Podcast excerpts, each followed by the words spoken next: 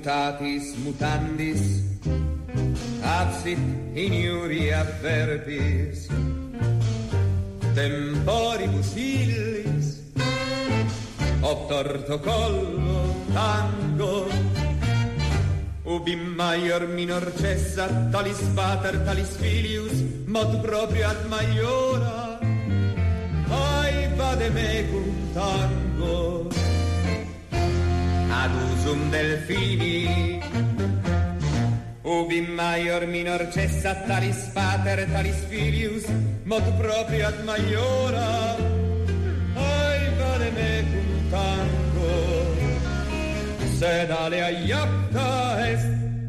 Sed Alea Yacta es, querida Isidora Emborujo, bienvenida. Muchas gracias.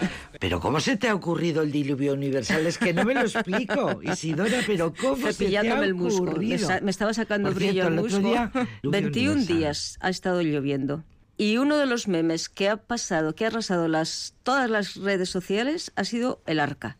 El arca situada en Bilbao, el arca situada en Vitoria. No quiero frivolizar por los daños que ha supuesto y por las vidas que se han perdido, pero creo que o, o hablábamos del diluvio universal o... El humor es lo único que nos rescatará. eh, Efectivamente. cuando ya no Y aprovecha a eso, la, la inteligencia esa emocional que nos permite tirar para adelante. Entonces dije, pues el diluvio universal lo conocemos y lo conocíamos muy bien de, de niñas porque leíamos y nos lo habían leído muchas veces, pero estoy segura de que hay mucha gente joven que no, no ha leído el- o no ha oído el- la narración del Génesis. Claro, todo el mundo que no haya leído la Biblia eh, Claro. y que no haya se haya tragado tantas misas Sí, como sí. usted y yo, Es cierto Pues no lo que Hollywood ayudado Sí. con alguna película que otra a hablar de Noé y del arca y pero bueno, ¿por qué no traerlo aquí y por qué no traer una narración anterior todavía a la del Génesis, que es la de la epopeya de Gilgamesh, que es una cosa todavía mucho más desconocida, pero que también a ver habla si de- nos creíamos que todo había empezado en la Biblia, pues los No, no. creyentes defenderán que sí, pero era un texto babilónico anterior. Eh, claro, hay muchos, Anterior. efectivamente, es sumerio y hay Todas textos las culturas todas las su- culturas eh, tienen su mito. Tienen su mito de- También los griegos podemos hablar de cómo se repuebla esa tierra que arrasan, eh, según la Biblia, eh, Yahvé, y según eh, la epopeya de Gilgamesh, los dioses, que se, la asamblea de los dioses que se han enfadado que se han con, enfadado muchísimo con, los, hombres. humanos, porque y dice bien, dice bien eh, Isidora con los hombres, Sí, sí. con los hombres, con ellos. Con ellos, con ellos, sobre todo con ellos, que eran los que más mm, mandaban entonces, Claro, para bien y para mal. para bien y para mal. Pues el Génesis eh, empieza muy, muy clarito. Y dice, ¿quieres que te lo Sí, lea, sí. Isidora? Y dice, eh, mira, para por si no te lo habías leído, ya te lo leo yo. Entonces dijo Yahvé a Noé, entra tú y tu familia en el arca, pues he observado que eres justo ante mí en esta generación. De todas las bestias puras te cogerás siete parejas, macho y su hembra, y de todas las bestias impuras, dos, macho y su hembra. También de las aves del cielo, siete parejas, macho y hembra, para que perviva la raza sobre la haz de toda la tierra. Pues dentro de siete días voy a hacer llover sobre la tierra durante cuarenta días y cuarenta noches, y aniquilaré de la superficie del suelo todos los seres que produje. Noé dijo conforme a cuanto Yahvé le había ordenado. Era Noé de seiscientos años de edad cuando tuvo lugar el diluvio, las aguas sobre la tierra. Ante las aguas diluviales entró Noé en el arca, y con él sus hijos, su mujer, y las mujeres de sus hijos, de las bestias puras y de las bestias que no lo son, y de las aves y de todo lo que se arrastra sobre el suelo, vinieron a Noé al arca, de dos en dos, macho y hembra, según había mandado Elohim a Noé. A los siete días las aguas del diluvio irrumpieron sobre la tierra. En el año 600 de la vida de Noé, el segundo mes, el día 17 del mes, en ese día se hendieron todas las fuentes del gran abismo y las compuertas del cielo se abrieron, y duró el aguacero sobre la tierra cuarenta días y cuarenta noches. En aquel mismo día entró en el arca Noé, acompañado de Sem, Cam y Jafet, sus hijos, y con ellos la mujer de Noé, y las tres nueras del mismo, ellos y todas las bestias salvajes, y todos los ganados por sus especies, y todos los reptiles que reptan sobre la tierra por sus especies, y todas las aves por sus especies, todo pájaro, todo alado, se llegaron a Noé, al arca, parejas de toda criatura dotada de soplo de vida, y los que entraban, macho y hembra de toda criatura entraban conforme Elohim habíale ordenado. A continuación cerró tras él Yahvé. Duró el diluvio sobre la tierra cuarenta días, y las aguas se multiplicaron y alzaron el arca, la cual se elevó por cima de la tierra. Las aguas fueron arreciando y se multiplicaron mucho sobre la tierra, mientras el arca flotaba sobre la superficie de las aguas. Las aguas, pues, crecieron muy mucho por encima de la tierra, de suerte que quedaron cubiertas todas las más altas montañas que bajo el cielo entero existían. Quince codos más arriba crecieron las aguas y quedaron cubiertas las montañas. De esta suerte expiró cuanta criatura bullía sobre la tierra, en aves, ganados, fieras, en todo el pulular de seres que pululaban sobre la tierra, así como toda la humanidad. Todo lo que contenía un aliento de espíritu vital en sus narices, de cuanto existía en la tierra firme, murió. Así fue exterminado cuanto ser existía en la superficie del suelo, desde el hombre hasta la bestia, el reptil y el ave de los cielos inclusive, quedaron exterminados de la tierra, quedando tan solo Noé y los que con él estaban en el arca. Ciento cincuenta días prevalecieron las aguas por cima de la tierra. Qué texto tan bonito. Sí, por cima de la tierra. Por cima de la tierra, sí. Por cima de la tierra. Pues es un texto, mm, como Macho y hembra. eh, conocido para, para personas de cierta edad y muy desconocido seguramente para jóvenes que tampoco les viene mal eh, escucharlo. Y este relato, que es el relato de- del Génesis, del libro mm, del Génesis, de la Biblia, del Antiguo Testamento, pues tiene muchas, muchas, muchas similitudes con un relato que se escribió en Sumer, en la antigua eh, Ki Engir, en el país del sur de Mesopotamia, en el territorio que riegan el Éufrates y el Tigris, por eso se llama Mesopotamia, porque está en los do- entre los dos ríos, es- y literalmente lo que quiere decir ese nombre, que ella Mes- narra Mesopota- una... Mesopotamia, que para eso nos servía estudiar griego y Claro, latín, ¿o no? efectivamente. Claro. Y ese, eh, en esa narración, en la epopeya de Gilgamesh, pues hay un- un- en, el, en el capítulo eh, undécimo se narra el, el diluvio, el mito del diluvio universal. Está escrito en tablillas de, arcilla, en lengua, o en- mejor dicho, en escritura cuneiforme, y eh, de esta se conservan de esta obra se conservan bastantes, bastantes copias. En el British Museum de, de Londres, por ejemplo, hay una de época de, de Asurbanipal. El protagonista. Asurbanipal, caramba, Sí. de años que no escuchaba. Que no escuchabas el nombre. nombre.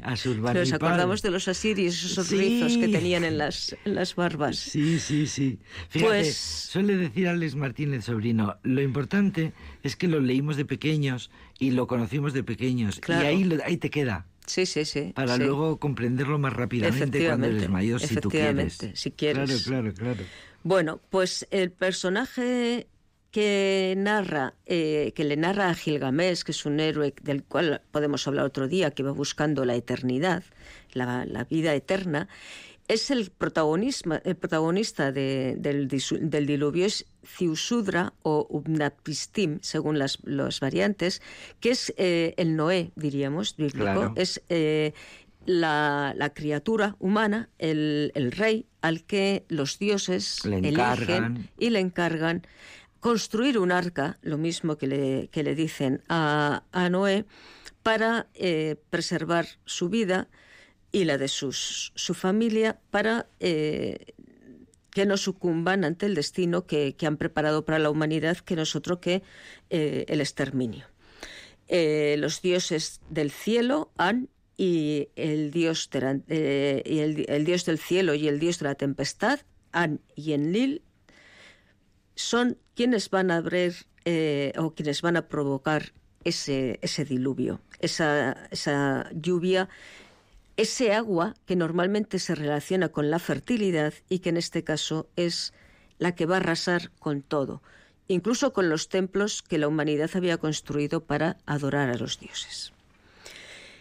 Noé, hemos oído en la Biblia, nos lo has leído tú, era un hombre piadoso. También lo era Ciusudra. Dice que es un hombre mortal de peso divino, que es compasivo, que es misericordioso, temeroso de los dioses. Y por eso le premian. Y por eso le avisan. Y le dicen. Misericordioso. Exacto, que tenga. que, que, que construya ese, ese arca. Le dan las instrucciones de construir una, nave gigantesca y eh, faltan pasajes en ese, en ese texto, no sabemos de cuántas dimensiones eran, pero eh, sí es la manera que tiene para eludir el, el, diluvio que aquí en vez de 40 días van a ser 7 días y 7 noches. Pero la misma cantidad de destrucción, es decir, la, misma, el mismo, la misma catástrofe. Sí, sí. Cuando acaba esa catástrofe, ¿qué hace eh, ¿Qué hace este, este hombre elegido? Pues lo que se esperaba de él.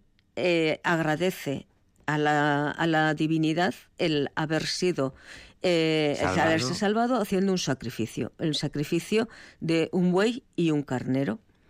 Y entonces, cuando eso se produce, los dioses que habían abierto, que habían desatado la tempestad, An y Enlil hacen que los vientos alejen las lluvias, que la tierra se seque y que la vegetación vuelva a brotar.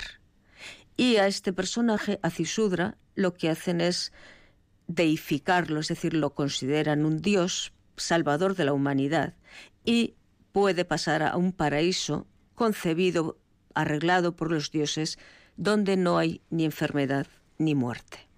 Lo que está clarísimo es que el hombre tiene complejo de culpa. Sí. En el relato, en todos los relatos de todas las culturas, está clarísimo que hay un componente de la, mano del hombre. La mano del hombre. la ira de Dios, claro, pero hay también dos cosas, la mano del hombre. Exactamente. Y hay una cosa muy, muy curiosa, bueno, muy curiosa no, hay una cosa muy evidente en el relato eh, sumerio, y es que esto era algo conocido por ellos. Es decir, lo que se hace es trasladar la realidad física de esa zona rodeada por el, por, eh, el Tigris y el Éufrates, que estaba, estaban acostumbrados a las eh, inundaciones, a que las, las crecidas de los ríos acabaran con lo que ellos habían hecho es decir, con los diques de construidos. Lo mismo que ahora. Lo mismo que ahora. Y se arrasaran las cosechas, a que los vientos huracanados produjeran lluvias torrenciales. Y eso que se tiene constancia arqueológica de que se produjo realmente a comienzos del segundo milenio, se traslada a través de un mito, provocándolo o, siendo eh, como tú dices, los responsables últimos, los dioses, pero, por una conducta indebida de, la humanidad. Porque los eh, dioses se cabrean con los humanos porque los humanos están sí, porque les molestan, porque hacen algo malo, porque no merecen y hay que borrarlos de la faz de la tierra, eh, extinguirlos de la faz de la tierra. máximo. Efectivamente. O sea que el hombre no las tiene todas consigo. No, no, Sabe Somos... que algo mal claro. está haciendo. Y además eh, este es un mito universal. se, se, han encontrado narraciones muy semejantes en Mesoamérica, en, en América y, en otras culturas, con lo cual eh, sí que se piensa que ha habido más de un, o por lo menos arqueológicamente se ha demostrado este tipo de, inundaciones en, en, el próximo Oriente, en el, cerca, en el lo que se llama el creciente fértil, precisamente por porque estaba eh, regado por dos ríos, importantísimos. Imagínate, el creciente fértil de, era una tierra muy fértil y muy frondosa y todo maravilloso. Y, pasó, pues mira cómo andábamos con el desembalse del Zadorra, pues andábamos con el agua al cuello, literalmente. Y hasta aquí la estupenda mm, idea para repasar un poco aquella historia que aprendimos de pequeñas y que hoy a lo mejor pues eh, hay gente que no lo conoce, pues simplemente porque la historia sagrada nos enseña. Efectivamente. Y mm, antes el catolicismo era absolutamente obligatorio y ahora afortunadamente no lo es, con lo cual, pues entre unas cosas y otras los jóvenes pues igual no saben lo del diluvio universal. Eh, la Virgen de la Humanidad. La Virgen de la Humanidad, sí. Nosotros llamábamos a la Virgen de la Cueva. Estos, Vetusta Morla llama a otra Virgen. La Cueva, la Virgen de la Cueva. Estás en todo, querida amiga eh, Isidora Embrujo. Gracias. Qué bonita historia. si quieres salir ileso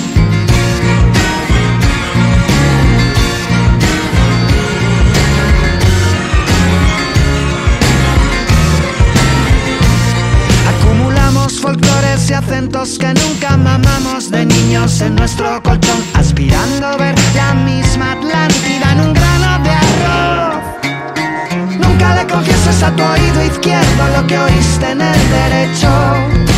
Nunca le pides a la razón lo que no va a darte el pecho. Ya no sé si encomendarme a tu calendario lunar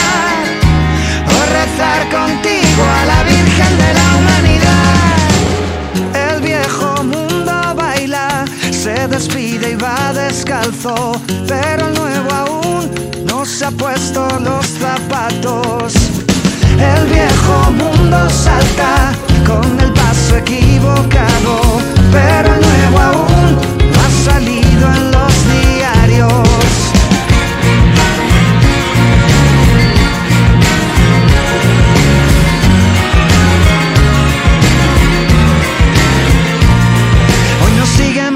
abajo, abajo y arriba, al al norte y al sur. Aguantamos el cataclismo creyéndonos nieve en mitad de la luz. Nunca le confieses a tu ojo izquierdo lo que ves con el derecho. Nunca hagas de tripas corazón si quieres salir ileso. Ya no sé si encomendarme a tu calendario lunar o rezarle al paso de la Virgen de la